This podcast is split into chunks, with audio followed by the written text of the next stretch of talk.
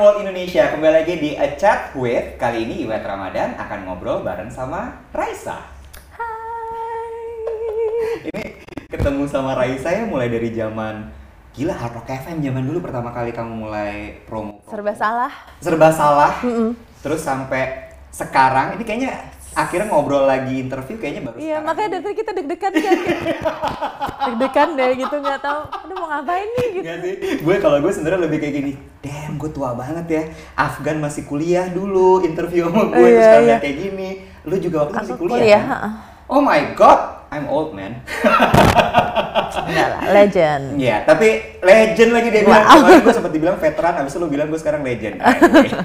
Raisa, Yes. kalau eh, kita ngelihat Raisa gitu ya sampai di posisi sekarang ini eh, pasti udah banyak banget yang dilaluin gitu ya. Eh, interview-interview lain juga sempat mengungkap lah gimana Raisa ada di posisi ini sekarang. Gue sempat dengerin interview sama Makna Oh, oke. sama Iyas Lawrence segala gitu kan.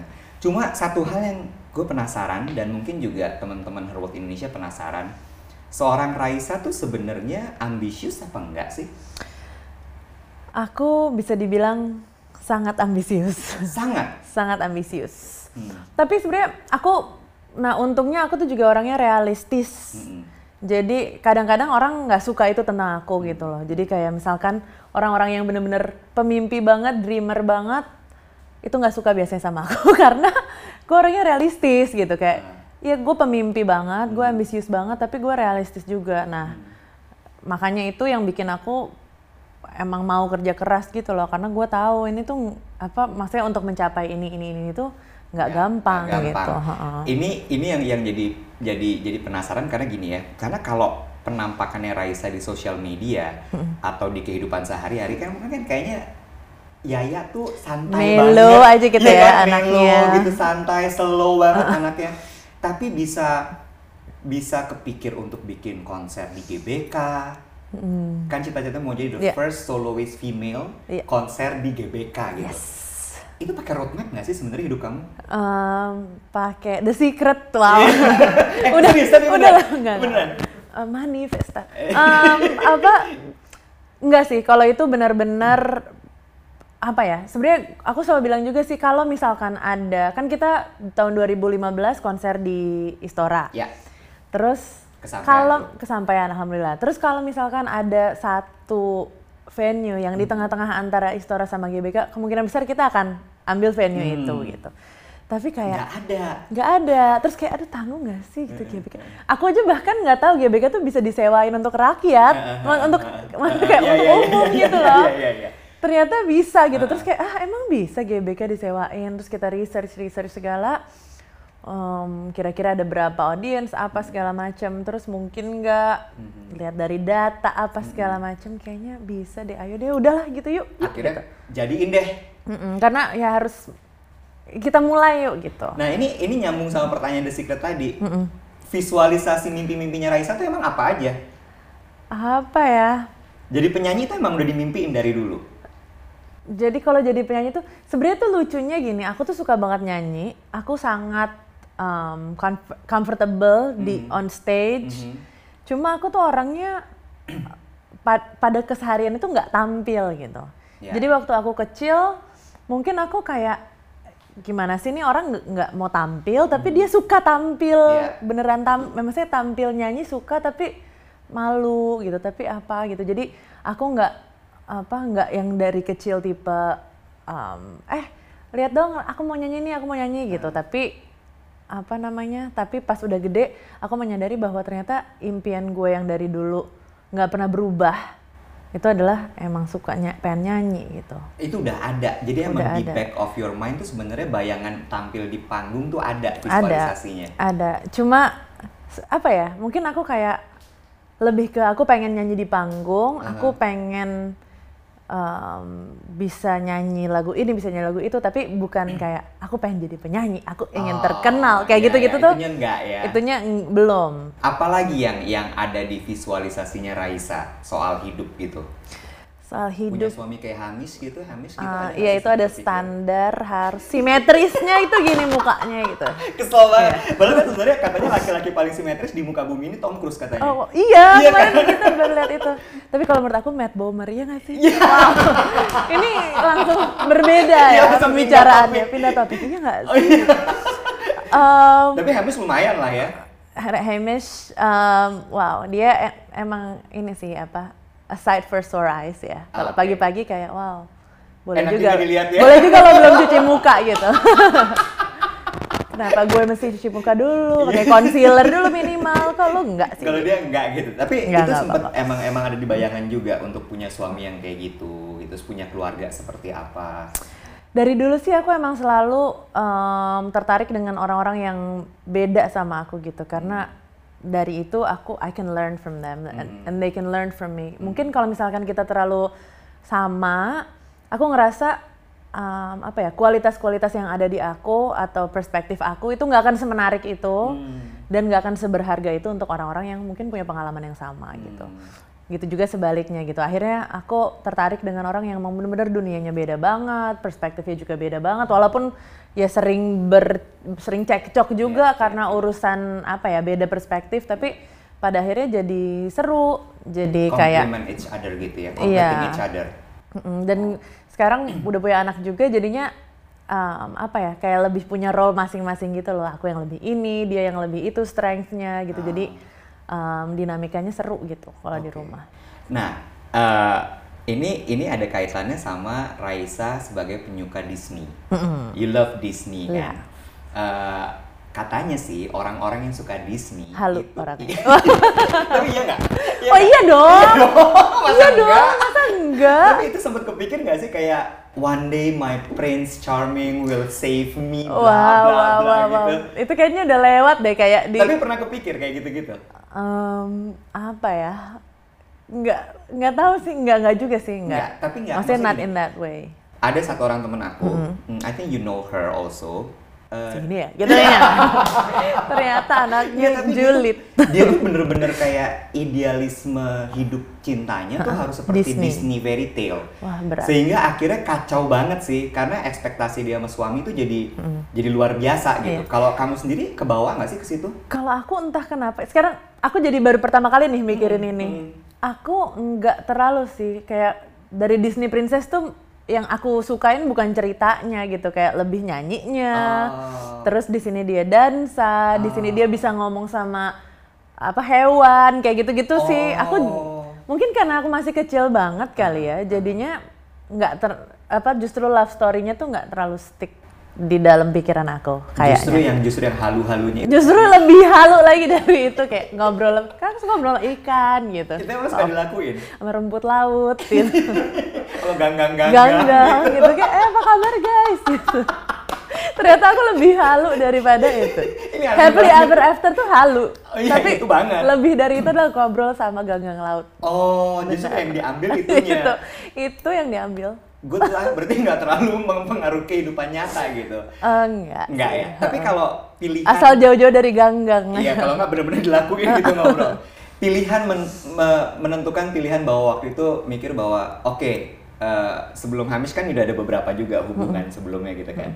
Tapi sampai akhirnya oke this is the one.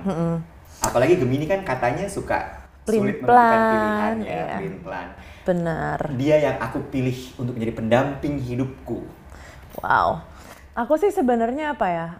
em, aku ngelihat keyakinannya dia sih kayak dia benar-benar dari pertama tuh very certain of me. Jadi aku juga percaya diri eh, terhadap relationshipnya sendiri gitu. Jadi kayak kalau bisa sepede itu sama gue berarti lo benar-benar Apa, apa, sih ya? bentuk PD gue juga penasaran. Nih, Karena- maksud gue gini ya, gini, kadang-kadangnya banyak eh, laki-laki yang misalnya naksir punya mimpi untuk memperistri perempuan cantik gitu. Ini apalagi Raisa gitu kan. Terus dia tuh PD-nya segimana sampai Raisa tuh oh, oke ya ternyata dia persistence juga nih anak gitu. Hmm, apa ya orangnya yang pas awal yang pas lagi pacaran gitu ya gimana ya dia tuh nggak ada tarik ulur Oh iya? nggak ada hint hint langsung straightforward terus juga Ya, dari- gitu maksudnya? Dari awal udah langsung bilang gitu kayak Oh iya? iya pede banget tuh orang. Ya iya ganteng banget juga bro. Ini Hermes Daud gitu. Terus dari awal udah udah langsung bilang pokoknya intentionnya dan lain-lain terus apa yang dia suka dari aku apa yang dia cari dari pendamping hidup dan gimana pun apa namanya dia akan berusaha untuk bikin aku feel the same way gitu jadi ya udah sisanya sampai ke akhirnya kita menikah sampai mudah-mudahan seterusnya Ya, lagi Amin. adalah um, apa ya ya usaha nyata aja untuk Ah. untuk bikin aku juga ngerasa secure Kata secure itu mungkin yang membuat akhirnya Raisa memutuskan untuk oke Hamis lah orangnya gitu kali ya. Iya, karena juga ma maksudnya males juga kan kalau kita harus Iya, mendebak-nebak kayak iya, itu iya, itu iya, udah iya. lewat lah. Udah lah ya selesai masa itu. Ada yang bilang katanya eh, Pisces itu halu. Hamis is Pisces, right? Iya, halu. Uh, Halu. udah pasti. udah pasti. Sama kehaluan lo soal Disney tadi kan Wow. gimana? Haluan dia sih, Kak. pokoknya apa pun, dia dia deh pokoknya. Dia deh pokoknya. Contohnya kayak apa misal kehaluannya Hamish? Halo. Apa ya? Nah, itu dia. Aku Hmm. bilang kita tuh selalu selalu bilang nih kalau dia tuh dreamer, kalau aku tuh yang nariknya lagi gitu. Ah. kayak misalkan aduh dia tuh sering banget setiap hari tuh oke kita ntar kapan-kapan kita ke sini loh ntar kita gini kita gini kita gini gini gini. Kayak aku kayak "Hmm, ya tapi kan itu kan lagi suhunya dingin banget. Dan bener-bener jadi kayak kita jangan ini terus kan kita ada kerjaan tanggal segini dan bener-bener mendingan nggak usah dulu mendingan kita nunggu sampai sini kayak gitu loh. Jadi oh penjelasannya internal ngerti, banget. ngerti, ngerti, ngerti, ngerti, tapi itu mungkin juga menjelaskan eh, eh, Ya, tapi kan kita masih ada cicilan ini. Jadi, nah yang itu pasti biasanya oke oke nggak jadi kalau gitu. Ya, dia kan masih selalu kayak ya aku kan cuma berangan-angan aja, aku kan cuma mimpi-mimpi aja. iya gitu. iya iya boleh mimpi tapi tetap harus dijak ke bumi gitu. Iya, ini mungkin opposite attract kayak Raisa sama Hamish juga kali ya. Jadi kalau Hamishnya mungkin juga kalau gue bisa ngelihat kayaknya dia lebih ekstrovert dibanding Wow, banget sangat. Secara spektrum gini, dia di sini, aku di sini. tapi ternyata kalian bisa ketemu di tengah Iya. Oke. Tapi em, iya sih karena karena ya ya gitu kalau misalkan dua-duanya ekstrovert gitu, aku nggak kebayang sih. ha. iya kebayang apalagi dua-duanya introvert juga kayak lu mau halu-haluan di rumah berdua gitu kayak, "Uh." mau jadi apa bro gitu Ah, kalau dua-duanya introvert sih, wow. Sungguh. Enggak sih, susah, tidak susah. Eh, kalau kita ngomongin tadi hidup yang kayaknya nyampe semua apa yang Raisa pingin gitu ya. Bahkan lu punya mimpi eh, baby face, is it? Mm-mm. Itu udah sampai duet Yes, kejadian gitu ya. yes. Itu kan kayak, hah tadinya cuma mimpi doang kenyataan gitu. Pernah nggak sih ngalamin kekecewaan sebenarnya dalam hidup? Ya banyak banget lah. Maksudnya Oh, setiap setiap ya pasti setiap apa ya? Setiap lika-liku kehidupan pasti ada lah kekecewaan gitu. Tapi kan itu itu justru yang kayak steer kita ke direction lain, direction lain gitu. Dan kalau misalkan nggak ada kecewa juga ya kita mau belajarnya dari apa, dari mana, dari dikasih tahu orang gitu kan ya semua kan harus kita alamin sendiri gitu. Jadi- pasti ada. Kekecewaan itu dianggap sebagai satu bentuk learning process sebenarnya. Harus karena itu satu-satunya cara untuk kita bisa belajar dan itu satu-satunya cara kita bisa move on dari si kekecewaan itu. Kalau misalnya kita nggak pernah bisa ngelihat itu sebagai learning process, kita nggak akan pernah move on dari masalah itu sih kalau menurut aku. Contohnya apa? Dalam mungkin kita ngomongin soal mengejar karir kali ya. Raisa bisa sampai di titik ini, aku yakin banget juga pasti perjuangannya sangat besar sekali gitu. Eh, ada nggak pernah yang mimpi nggak sampean terus kecewa sampai wah gila kenapa nggak bisa ya gitu? Sebener, eh pas awal-awal sih eh, lumayan gitu kayak udah beberapa kali oh ini label ini kita udah fix ya gitu terus habis itu udah happy banget terus tiba-tiba pull out Sempet Terus yang kayak- katanya nggak akan menjual. Iya, terus kayak, ah, terus gue harus gimana nih? Gue kayak gimana caranya? Aku juga, maksudnya dulu kan nggak kayak sekarang ya. Kalau sekarang mungkin aku bisa bikin konten di Instagram, bikin nyanyi-nyanyi Kamu tuh perbatasan di mana ya, gitu. antara label sama digital, digital belum terlalu kuat. Belum. ha-ha. Terus apa namanya?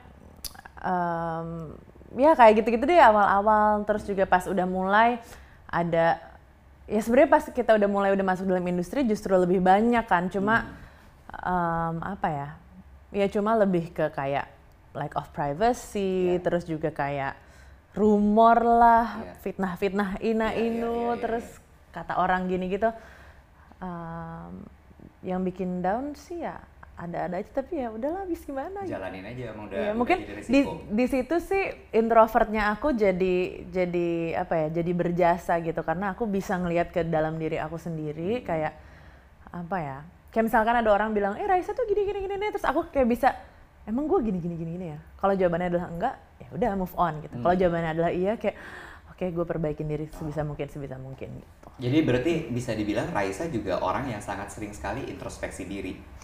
Pada em, bukan pada akhir ya kesannya dulu ya tapi emang iya sih kalau pas kita masih muda kan kita nggak nggak Iya, peduli iya, iya. kayak masih kecil gitu umur belasan Iya. 20-an awal gitu kan kayak jalan aja Iya, gitu kan nggak pernah ngelihat ke diri kita sendiri tapi makin lama em, ya pasti makin banyak introspeksi Correct me if I'm wrong ya. Waktu kamu pertama kali masuk ke industri entertainment ini, eh, industri musik terutama kan sempat ditolak. Mm-mm.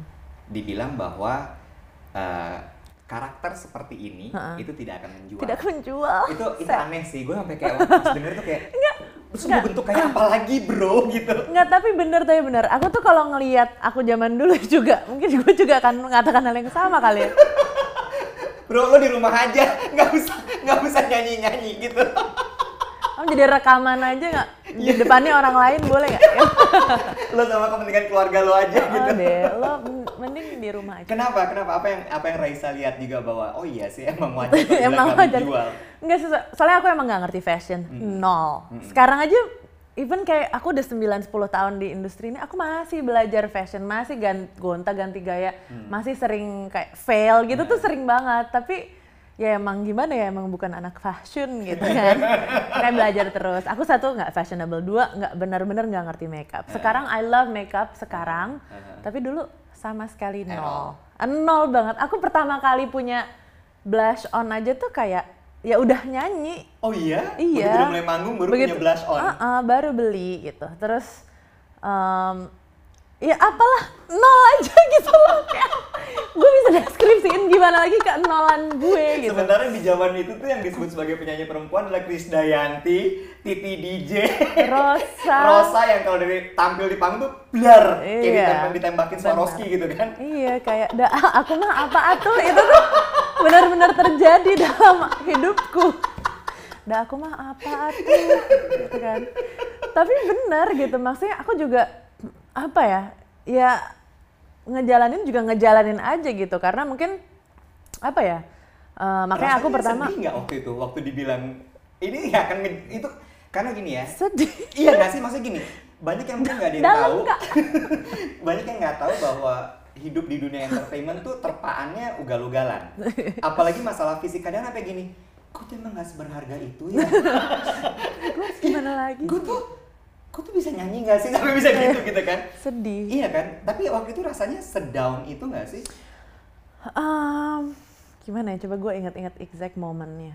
Ada sih di mana gue nangis, di mana gue karena yang yang ngomong tuh kayak dari orang yang deket gue sendiri gitu loh. Jadi Really? kayak, "Heeh," jadi kayak kok lo nggak belain gue sih gitu kan? Heeh.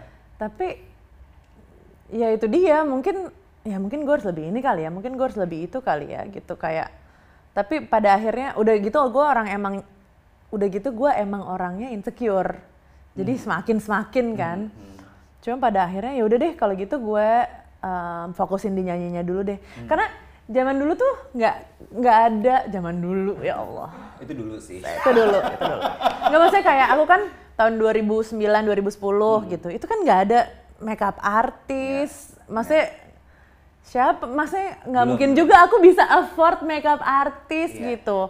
Putri Terus Indonesia yang pakai makeup artis itu zaman udah dulu kan. Terus stylist apalagi Iya, iya, kata-kata iya. stylist aja mungkin aku nggak tahu iya, gitu iya, kayak iya. waktu itu aku pernah gitu datang ke majalah gitu Hmm. ya ini foto profil ya datang ke majalah gitu tidak dikasih stylist tidak ada makeup artis terus kayak aku foto begitu aja datang dari kampus oh my god kayak serius? gue datang dari kampus terus, gue di foto as is. Terus ditaruh di majalah. Gimana gue mau menjual?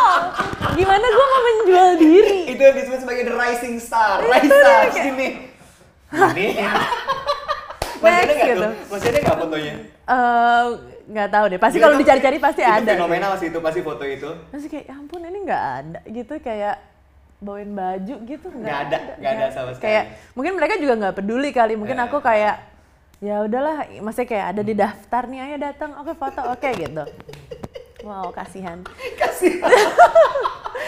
tapi Terus ya apa yang lucu kamu aja kerjain? Yang kamu kerjain untuk akhirnya make it sampai ke sampai ke sini apakah misal kayak semenjak itu aku berlangganan majalah fashion. Wow. Semenjak itu aku semenjak itu aku invest aku les make up iya. Apa ya sebenarnya sih um, Jadi kan nyanyinya aku dibenerin. itu dia aku sebenarnya kuatnya emang dari off air sih Iya. jadi ya kan kita um, di radio di mana orang nggak bisa lihat fisik gue Pokoknya semua yang aman-aman. aman di radio Juara di pakai situ ya. pakai baju apa aja gitu di radio makanya sampai sekarang um, setiap waktu dulu tuh tracks tuh gue inget banget pertama pertama Iya. Dan gue sampai sekarang setiap gue ke tracks pasti gue kayak selalu grateful sama mereka karena waktu itu gue bener-bener belum ngapa-ngapain Iya, tuh. iya, iya. Gue udah mingguan di situ Iya, ngejam ngejam nah. gitu. Terus Sore um, itu ya? Itu malam. Eh, malam. Malam malam. Malam ya. Kompak kampus bukan? Malam. Aduh, apa ya si Rio Molen. Iya, Rio Molan, kompak kampus. Terus Iya, terus habis gitu um, ya udah. Gila zaman itu lagi Rio Molan. iya. Jadi banyak um, lebih di off air off air gitu. Hmm. Terus juga Indie banget lah ya.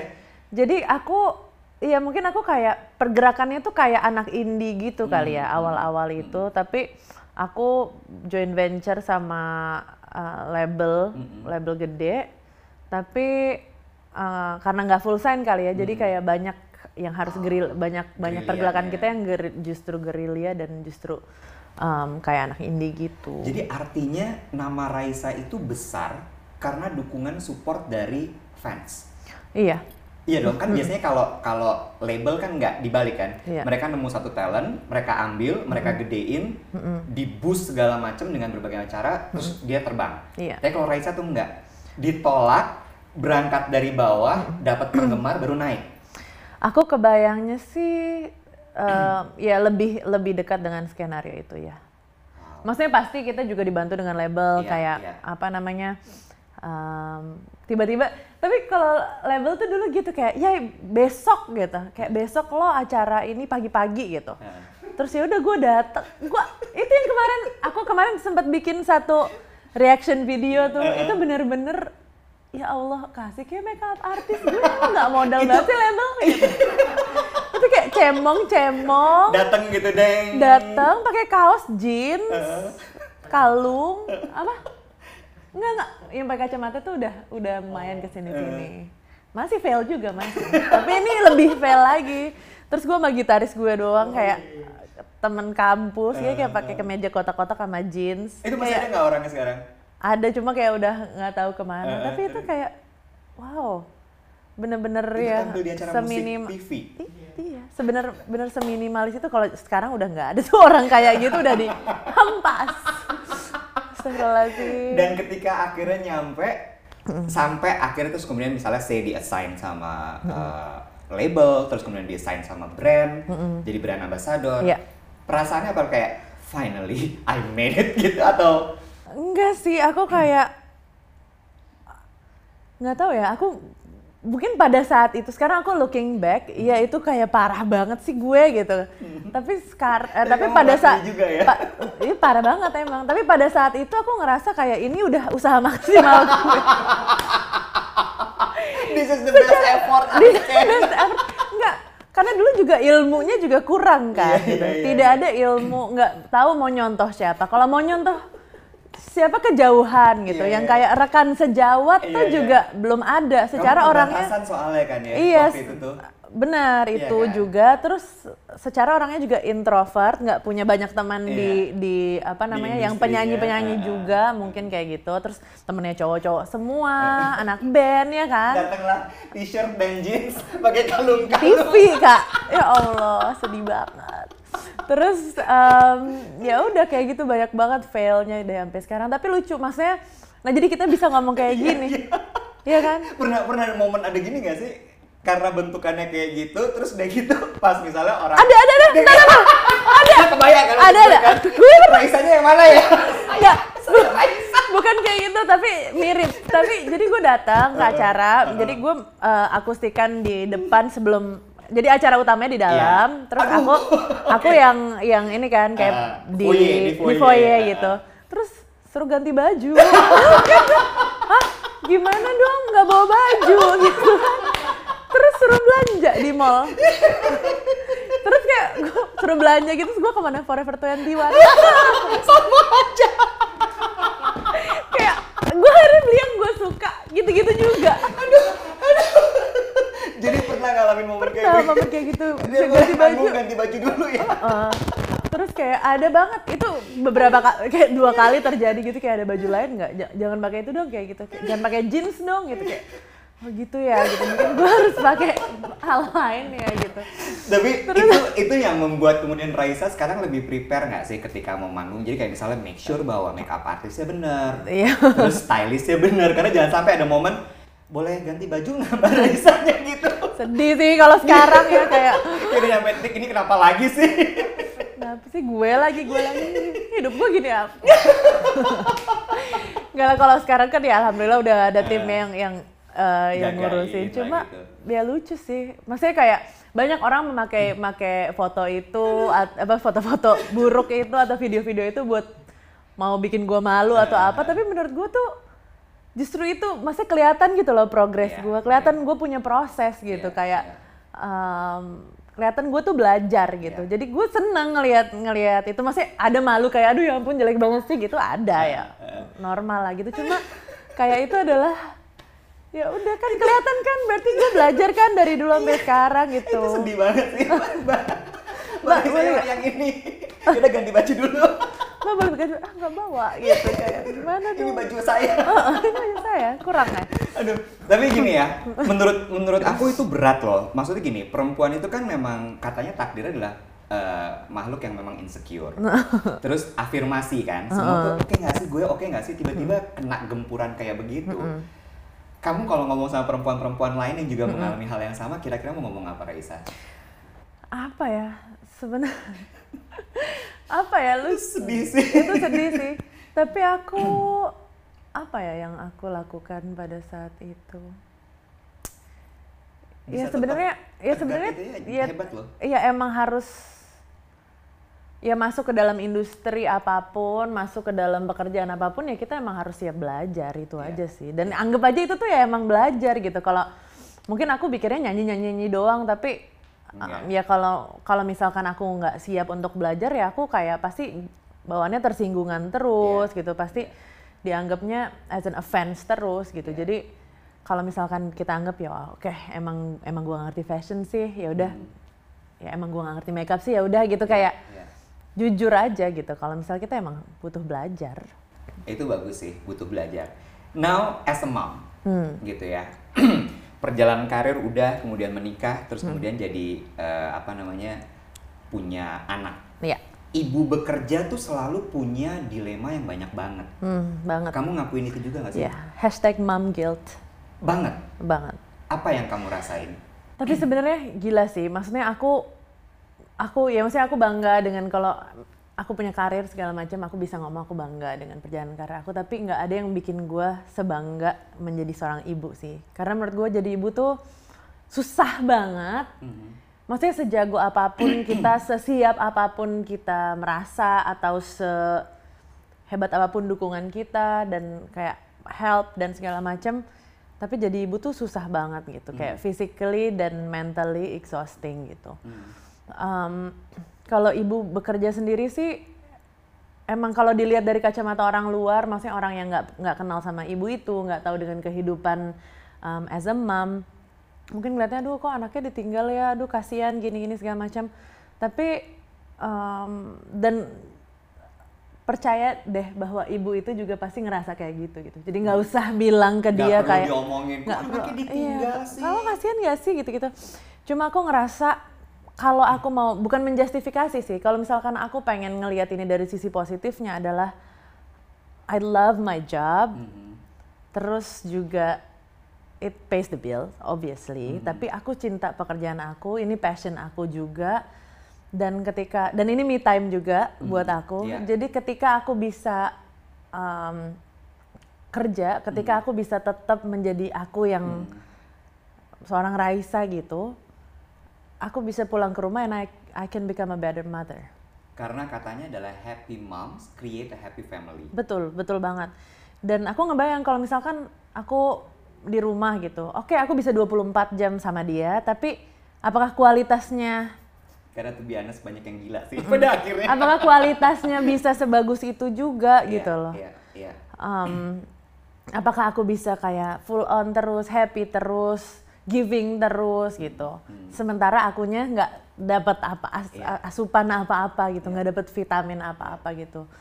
Um, jadi it's um, it's as much about quality as it is about quantity gitu. Iya.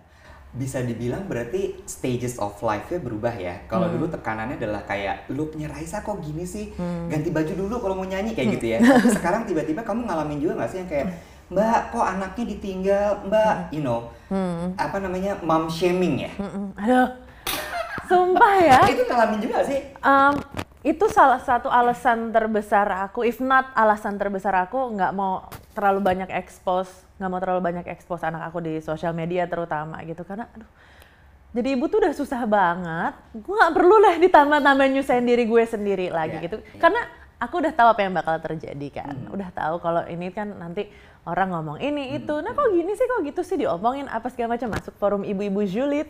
Gitu sih. itu lebih mengerikan loh Iya daripada kan? kolom gosip. Uh, gitu. Terus eh, udah keluar dari kolom gosip Iya, masuk kolom situ ya. Pindah-pindah kolom Pindah aja kolom, gitu. Jadi kayak ngapain gua mengundang Oh. that kind of negativity into my our lives gitu. Jadi itu alasan aku nggak nggak Mengekspos. ke ibu-ibuan ini karena kayak I'm still learning. Mhm. Terus juga aku lebih aku pengen percaya sama intuisi aku gitu loh. Iya. Kalau aku terlalu banyak kedengeran apa Katanya pendapat gini, orang katanya kata gini gitu, kan aku jadi kayak ini mana yang kata orang, mana yang kata diri gue sendiri ya gitu. Karena gimana pun lo pasti you know best, mother knows best. Karena dia itu udah pasti. dilahirkan dengan insting dan intuisinya sendiri sebenarnya. Kalau bisa menggambarkan dalam tiga kata, Raisa sebagai ibu. Kamu tuh ibu yang satu, dua, tiga. Apa? Apa ya? Aku ibu yang hmm, Perfeksionis nggak sih? sampai sekarang belum belum keluar perfeksionis gue di sini aku aku intuitif aku Iya. percaya aku intuitif dalam dalam apa namanya menjadi ibu Mhm. terus aku apa ya I'm loving Hmm. iyalah jahat banget kalau enggak terus apa ya aku Cenderung lebih rileks nggak sebagai ibu? Aku lumayan relax sih, ya Relax. relax. Ha-ha. Iya, I'm relaxed. Karena ya itu kayak sebelum COVID ini aja kita ke mana-mana kan aku ajak anakku Hmm. gitu. Jadi kita keluar kota di pesawat, aku berdua dia. Kita, aku juga pernah em, ke Amerika berdua dia. Karena waktu itu kayak ada satu, iya ada satu apa namanya opportunity yang harus saat itu juga Ah. nggak mungkin aku ninggalin karena aku masih asi Hmm. dia umur lima bulan kita berdua ke sana Kamu nggak bawa Neni? enggak Gila di pesawat bener-bener kamu iya pegang terus dia. nah ini lucunya adalah orang kayak hah masa sih gitu tapi sebenarnya kalau if you know your child kalau Hmm. emang kamu benar-benar kenal sama dia Hmm. ya sama aja kayak traveling sama temen gitu karena kita kan kenal kita tahu dia mau apa kita tahu dia harus digimanain gitu Wow, five months. iya Kamu bawa ke Amerika. Mm. Kayak lucu aja kan dia justru masih enak, masih kecil kayak Iya, iya, iya. tidur wow taruh tergeletak. Kayak Udah aja gitu. Susu geletak gitu. kecil saya sini oh enggak deh. Kayak kecil sini. Geletak, Wow. geletak sini, geletak Wow, situ. Wow. So, aku bisa bilang bahwa kamu termasuk orang yang sebenarnya enjoying your life. Iya. Walaupun juga tetap ada eh, ambisi-ambisinya. Hmm. Dan mungkin ini adalah dua sisi Gemini yang tidak banyak orang lihat. Justru ini sekarang terungkap gitu hari ini. Mudah-mudahan sih begitu gitu. Satu pertanyaan terakhir sebelum terakhir. Apa coba? Satu pertanyaan setengah terakhir ya. Setengah terakhir. Mungkin nggak sih Raisa ninggalin pekerjaan sebagai seorang penyanyi, entertainer untuk menjadi full mom? Kalau untuk sekarang sih aku belum belum apa ya kayaknya nggak sanggup gitu nggak mampu gitu karena bukan soal apa nggak mampu menjadi apa ya eh bukan soal nggak mampu meninggalkan si nyanyi-nyanyi Hmm. ini tapi pekerjaan jadi ibu rumah tangga itu pekerjaan terberat yang Hmm. menurut aku ya kayak jadi ibu-ibu di luar sana yang benar-benar full time ngurusin keluarga itu pekerjaan paling nomor satu paling berat Ya. dan terus juga nggak ada jadi itu just giving giving giving giving Ya.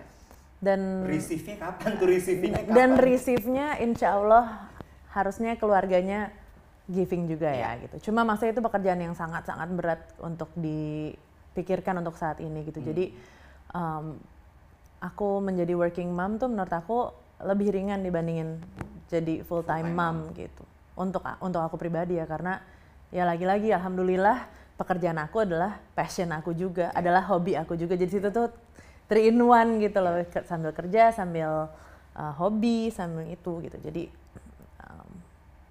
ya sampai se- sekarang sih masih gini aja gini Masih aja. kayaknya nggak nggak terpikir untuk meninggalkan itu gitu ya. Ini baru terakhir sekarang. Yang tadi satu A ini Iya, satu, A, B. gitu.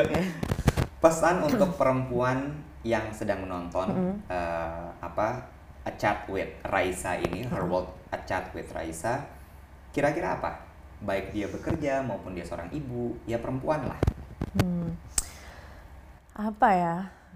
Kalau aku sih mungkin trust the timing of life itu tuh penting banget gitu kayak nggak usah ngeburu-buru waktu karena waktu tuh akan berjalan terus. Nggak usah diburu-buru dia akan tetap kerasa cepet gitu loh. Jadi um, I don't like the idea of apa ya thinking the future will be better gitu. Mungkin realisnya aku di situ kali ya kayak aku nggak suka berpikir bahwa nanti tuh pasti lebih nanti tuh pasti lebih gitu gue working towards apa sehingga membuat gue lupa bahwa hari ini tuh adalah hari yang terpenting gitu loh Seize the day. seize the day smell the roses sedap. Ma maknya keluar di situ Disney juga boleh keluar smell the roses gitu. tapi ilusi bahwa ilusi bahwa kamu cuma happy bahwa kalau kamu udah uh, accomplish your goal, accomplish something, itu tuh uh, kalau bisa jangan jangan dijadikan way of life gitu. Hmm. Tapi hari ini tuh hari yang paling penting. Pada akhirnya juga akan akan mencapai sebuah goal dan akan ada goal lagi kan gitu. Jadi mau sampai kapan? Never ending. Never sebenarnya, ending makanya gitu seize the day aja. seize the day.